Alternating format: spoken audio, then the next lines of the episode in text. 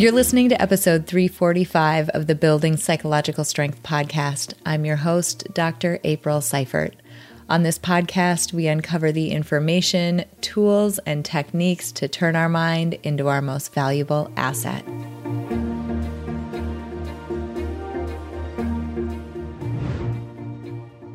Hello, friends, and welcome back to this episode of the Building Psych Strength podcast. I'm Dr. April, and I'm so thrilled that you're here with me. You know, it's been a few weeks since we've had a one on one episode where it's just been me and you talking about a topic that pertains to our lives and really digging deep into the psychology underneath it. Now, this week's episode is a fun one because something that I've noticed is that one of the most popular classes in undergraduate education is Intro to Psychology. Tons of people take it. Dare I say, everyone takes it. And we're going to be talking about two concepts today that you, if you've taken an intro to psychology class, or if you've even followed the field of psychology, even just casually on social media, you've probably heard about these two concepts. Now, what's interesting about psychology is it's very, very easy to hear about these concepts, but not actually make the leap into applying them to your own life. And there's a lot of reasons why. I mean, one of them is totally our fault as a field. We tend to write in a way that is completely inaccessible. It just makes things very difficult to understand at the level of nuance that you would need to understand them in order to make that leap and apply it to your life. But the other part of it is that a lot of the concepts we talk about are so broadly applicable that it almost, because they can be applied so broadly, it makes it difficult to apply them to a specific context. So, today we're going to be talking about two concepts and specifically how they apply to something that a lot of you have probably experienced. Let me set this up really quick. Many of you who listen to this show, I know because you guys contact me and the questions that you ask tell me that this is the case for you. Many of you have kids, many of you are parents. And it's funny because you have kids and you think through a lot of, you know, what is to come as you're you're gearing up to, you know, have bring kids into your family, however it is that that happens. And uh you think you've thought of everything. And then these sneaky things creep up on you. And today we're going to be diving deep into one of those things, which is parent parental guilt. Now, sometimes people call this mom guilt, but I don't like that term because this is something that can apply to everybody. I mean, if you are a human being with a mind and you have a kid, this has likely happened to you more than one time. And even if you're a listener or an audience member or a community member of ours who doesn't have kids, I would encourage you to listen to this episode because Again, the concepts that we're talking about are very widely applicable. We're going to be diving into one specific application of them, but if you don't have kids, I want you to think about them more broadly and how they would apply to your life with your specific circumstances. So I'm really excited to unpack these couple of concepts today within the context of parental guilt because it's something that so many of us face. It causes a ton of unnecessary suffering, and it's something that a little bit of understanding and a little bit of clarity can really help with. All right, stick with me and we'll dive in.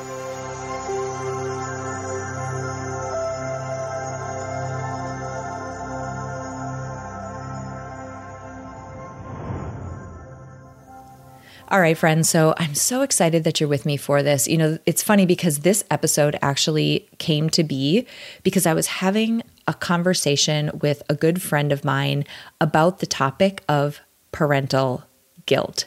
And you've probably experienced it, right? Like you have been with your kids for a bunch of days on end and they are crazy and they're fighting and they have a lot of needs and you probably haven't gotten a break for a while. You just want to shower or eat a meal in peace without having to rush through it or stop and be interrupted a hundred times. And then the moment comes, you get a break.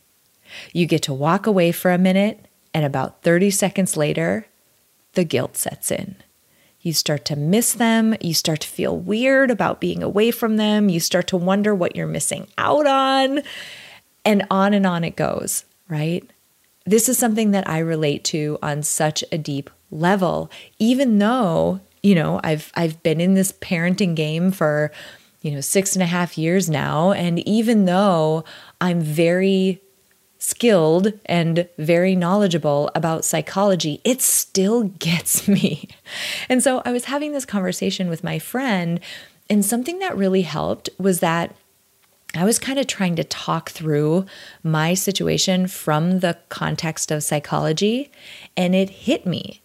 There are two concepts in psychology that apply to parental guilt that I don't hear anybody else talking about. So I want to cover them today.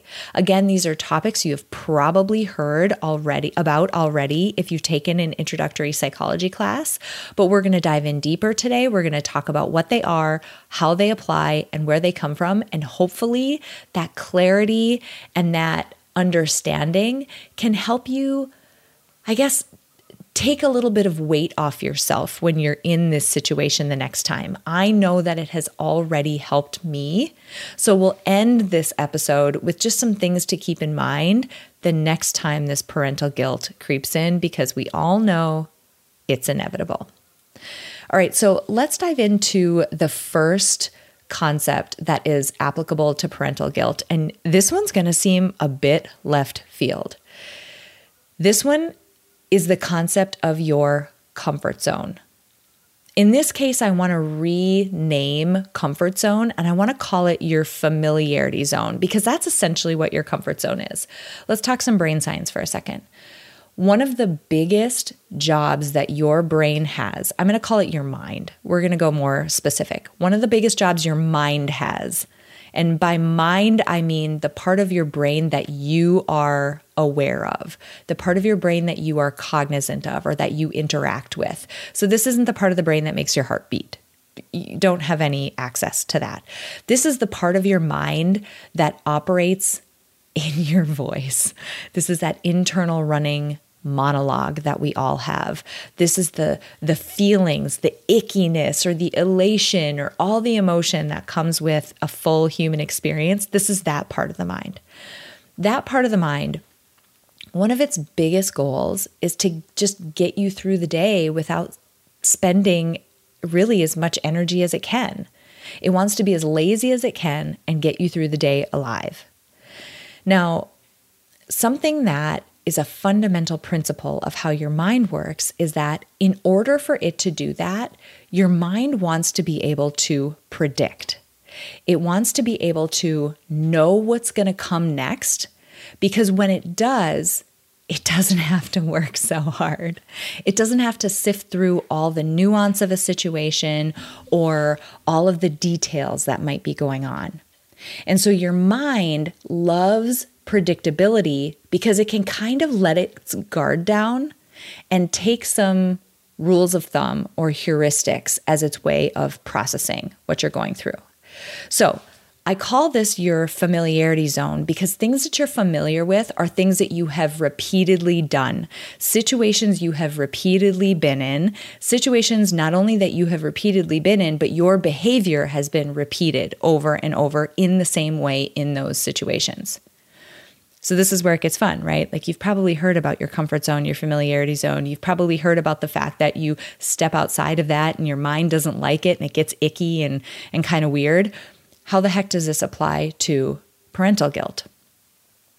This one is particularly applicable if you are the parent who tends to do a particular activity or take on a particular responsibility more than the other parent. So even if you divide parental labor 50-50 there's probably things that you know i tend to do bath more often or i tend to you know do dinner more often or i take the kids to school or pick them up more often when you deviate from that pattern your mind doesn't like it you're in a situation that's familiar and all of a sudden you are acting in a non familiar way, an unfamiliar way.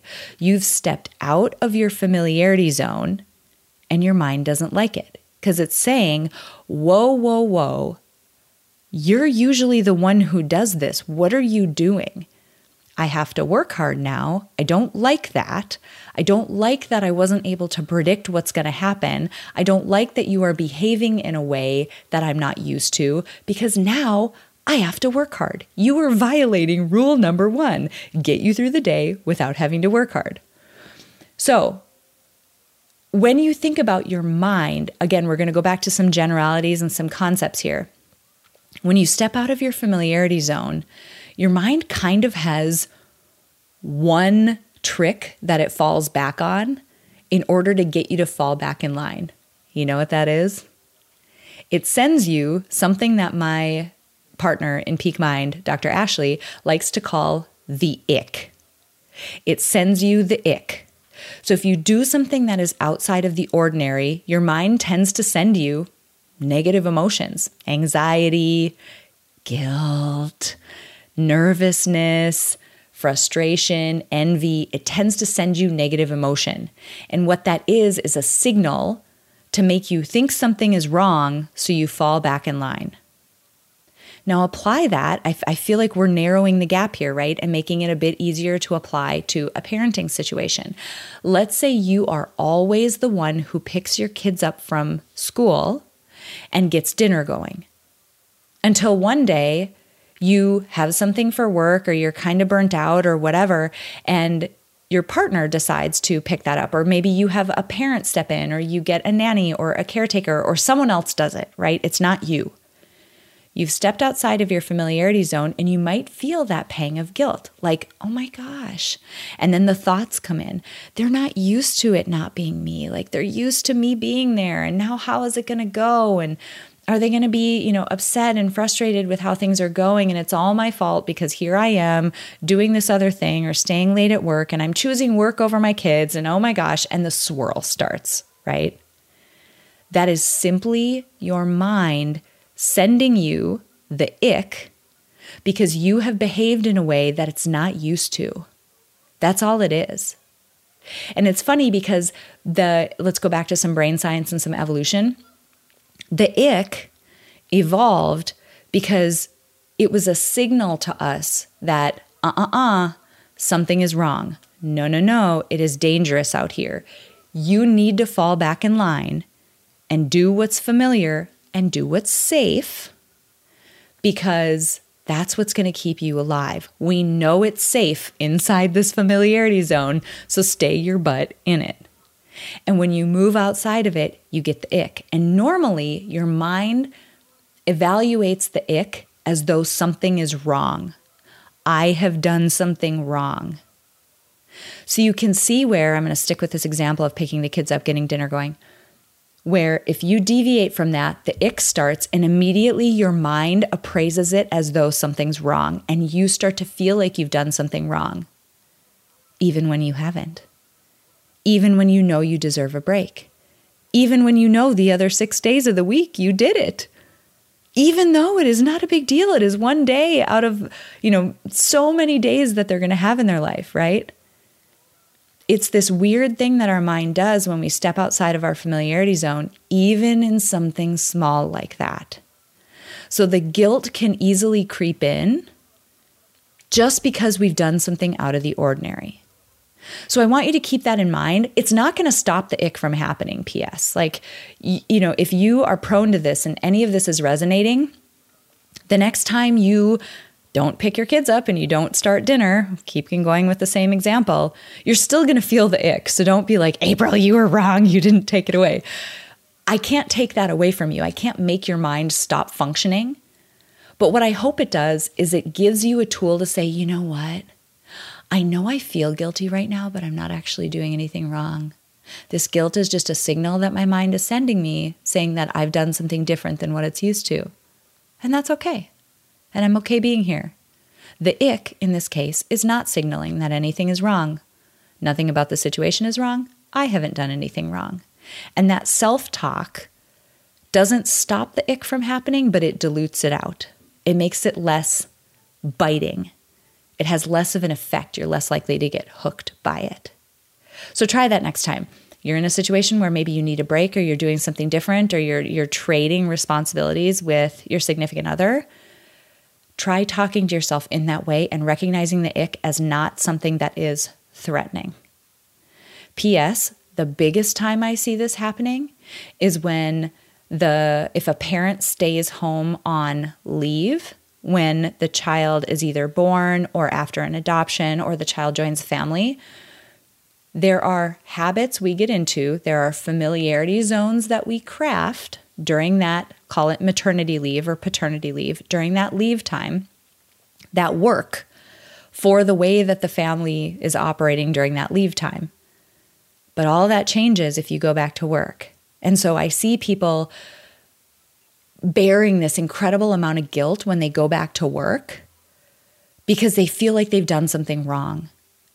Same rules apply. Your mind is used to you doing one thing because you you drew the boundaries of that familiarity zone during your leave.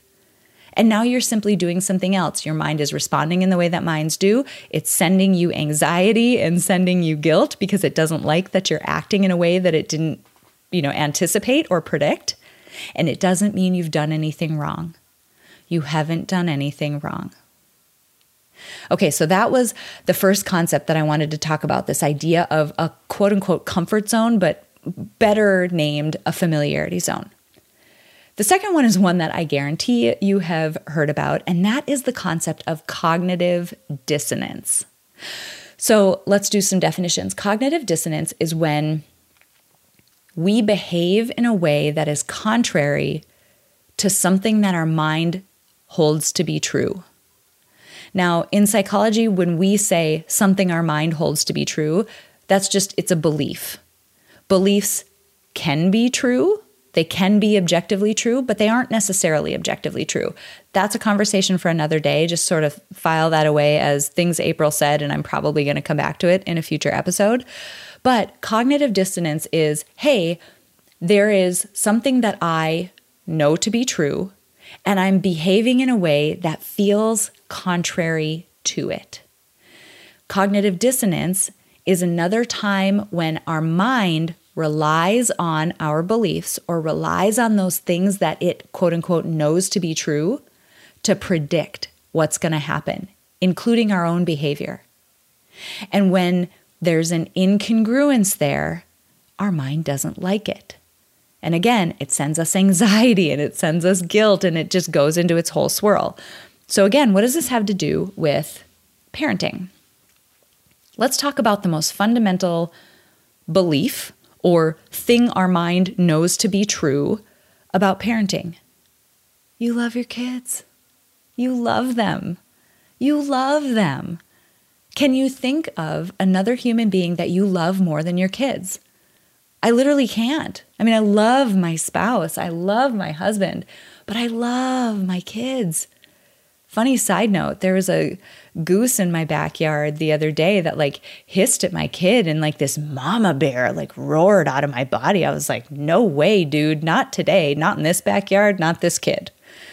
There is this just instinctual love that we have for our kids that is so deep and so powerful. So our mind knows that to be true. We love our kids. Now, I'm going to go back to a situation where, let's say, you have been with them for a bunch of days, you need a break, and ultimately you, you take a break. Say you, ha- again, maybe you get a babysitter, maybe grandma or grandpa picks them up, aunt, uncle, somebody, whatever. Somebody else has them, and you're not with them. And the guilt sets in. Sometimes the mere act of asking to be away from your kids can feel incongruent to the belief that you love them. In your mind, what it's saying subconsciously is, Don't you love them? Why wouldn't you want to be with them? If you loved them, you would want to be with them. Now we know in our rational mind, like, that's not what I'm saying. I'm not saying I don't love them. I'm saying I just need a stinking break, right? But your mind doesn't operate in a sophisticated way like that. It's like operating on these very simplistic if then rules in a lot of cases. And here's one of them in this sense of cognitive dissonance. If you love someone, you want to spend time with them and you enjoy it. This also can come into play when, let's say, you've been with your kids, you're hanging out with them all day, they want to play the 19th game of make believe or some other kid game, and you're kind of burnt out and you need to do something like adult for a little while. You want to talk to another adult, or maybe you want to um, listen to a podcast or do something that's a little more stimulating than playing dolls or you know building something the guilt can set in there because it's like if you love them don't you want to spend that time with them and you can see again where this is sort of a rule of thumb that our mind operates off of and it sends you when you break that rule it sends you the ick and you interpret the ick as though you've done something wrong. We feel guilty when we do something wrong. So the guilt comes in in this unnecessary way because we appraise the ick as more than it is. So, I want to give an example that I give during my speaking engagements sometimes. And um, I think it's a really helpful one. And it kind of sums up both of these points. And this is what I was talking about earlier something I just want you to keep in mind the next time. Here's a new way of operating and a new way of engaging and being in relationship with the ick that I hope will help. It tends to help people. I want to talk about three organs in your body. I want to talk about your heart, I want to talk about your stomach, and I want to talk about your mind. We're going to talk about what it looks like to put stress on each of those three organs. So let's say you put stress on your heart. You go run a 5K. What is your heart going to do? It's going to beat fast, right? It beats fast. That's what hearts do when you do when you put them under stress. Do you identify with that heartbeat? Do you say, I'm beating fast? No, you say my heart is beating fast. You don't get too wrapped up in it. It just it just is what it is, right? Even though if something is actually wrong, like let's say you went into AFib or some kind of, you know, like actual cardiac event, your heart might be racing. But you don't after you've run a 5k, you don't take that to mean, "Oh my gosh, there's I'm having a cardiac event, something's wrong." we sort of de identify with it and just say, oh, that's just what your heart does when it's under stress. Similarly, your stomach. Let's say you don't eat for about eight hours. What's your stomach going to do? It's going to growl, right? It's going to growl and it might hurt. Do you identify with that? Do you get super nervous and wrapped up and freaked out that something's wrong? Even though that growling and that pain could be an indicator that you are starving to death. We don't do that. No, no, no. I just haven't eaten for eight hours. I need to eat something.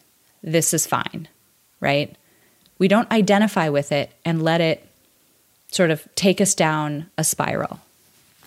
Your mind, when you put your mind under stress, meaning you do something, in this case, this is just one example, but you do something that it is not expecting. You break the rules, you step out of your familiarity zone, you act in a way that's incongruent with your beliefs, cognitive dissonance, your mind doesn't like it. It puts it under stress. What do minds do when they're under stress? They send you anxiety and they send you negative emotion.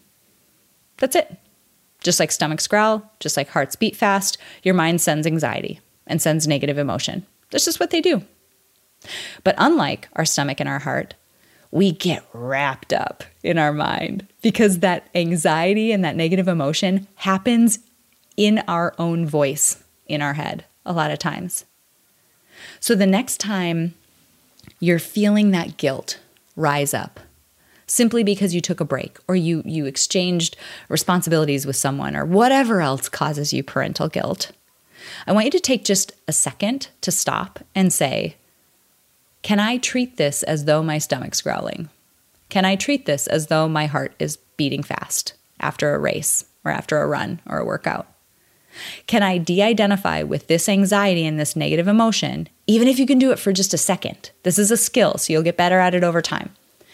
But can I just de identify with it a little bit and realize Yes, I'm, I'm feeling the sense of guilt, but nothing's actually wrong. I haven't done anything wrong.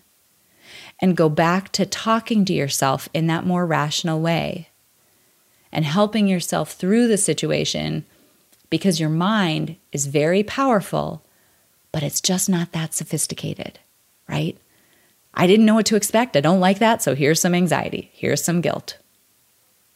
I hope this was helpful. It definitely helped me think about my own situation with my kids and how I tend to feel when I sort of break the rhythm of how things typically go in my family.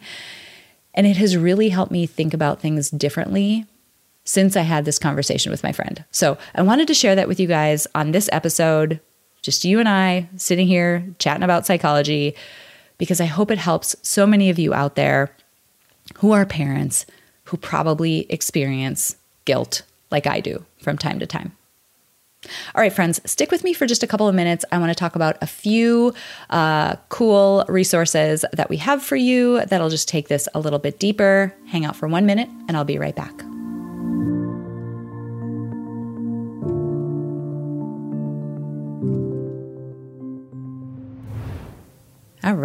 Right, let's wrap this up. A couple of resources for you guys. Um, the first two are all in the realm of self care. If there's one thing that parents need more than anything else, or just people of high responsibility, whether that responsibility is to a child or really anything else, if you're a person who has a lot on your plate, self care is an absolute necessity. I have two resources for you. The first one is absolutely free.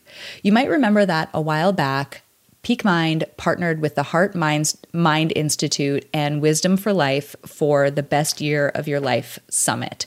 It was an awesome 10 day summit. Some of the most I mean, well known, sought after visionaries in the world participated in it. We're doing it again but in a slightly different way. So, we're partnering with the Heart Mind Institute for a summit that is coming up in mid May. So, depending upon when you're hearing this, it may or may not be too late. So, if you hear this around the time that it comes out, get on it and sign up. It is a se- the self care summit, and it's absolutely free. It's a week long, and we're tra- we're talking to incredible people. I'm just going to give you a few of the people that I'm interviewing. Sharon Salzberg was um, one of the partners with uh, Jack Kornfield, who is credited with bringing meditation to the United States. Like, she is a huge name in the field of meditation and mindfulness. And it's like nearly impossible to get to study with her. So, if you sign up for the Self Care Summit by clicking the link below in this episode description, you can hear directly from her. I actually get to interview her tomorrow. I'm so excited. I interviewed her for Best Year of Your Life, and she was outstanding. Second, Renee Trudeau. Oh my gosh, you hear from her and it feels like you have been given the biggest hug. She has the one of the best ways of characterizing self-care that I've ever heard. She's going to be part of the summit. Another um, amazing person that I've interviewed, Brett Cotter. He has this incredible powerful technique for dealing with trauma and stress and anxiety, and he teaches it on the session. It's so awesome. So, those are just three people. There are dozens who are part of this seven day summit, and it is absolutely free. So, again, that link is listed in the episode description below. You can sign up for free, and I can't wait to see you there. Second self care uh, resource for you. Our most popular course is a course called Self Care by Design. We use a design or a life design approach to create a guilt free, effective, customized self care routine that you can use to support yourself in showing up as your best every single day. So that course is 29 bucks. It is one of the most accessible, popular courses we have, and I've linked it below in case that's something you're interested in. And finally, Dr. Ashley wrote an incredible blog called Six Steps for Dealing with Overwhelm.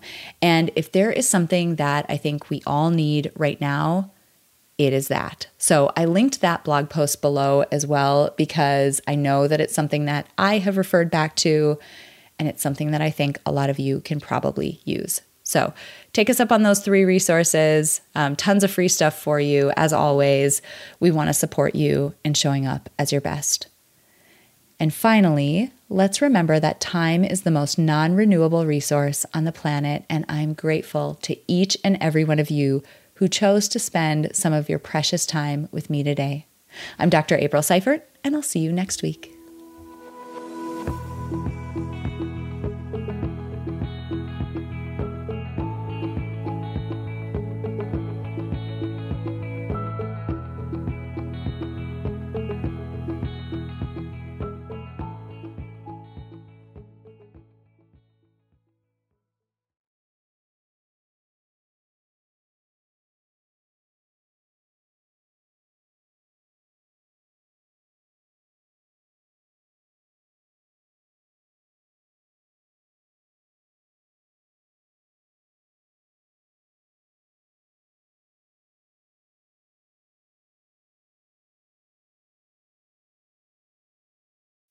As humans, we're naturally driven by the search for better. But when it comes to hiring, the best way to search for a candidate isn't to search at all. Don't search, match with Indeed. When I was looking to hire someone, it was so slow and overwhelming. I wish I had used Indeed. If you need to hire, you need Indeed. Indeed is your matching and hiring platform with over 350 million global monthly visitors, according to Indeed data, and a matching engine that helps you find quality candidates fast. Ditch the busy work. Use Indeed for scheduling, screening, and messaging so you can connect with candidates faster. And Indeed doesn't just help you hire faster. 93% of employers agree Indeed delivers the highest quality matches compared to other job sites, according to a recent Indeed survey. And listeners of this show will get a $75 sponsored job credit to get your jobs more visibility at Indeed.com slash podcast. That's Indeed.com slash podcast. Terms and conditions apply.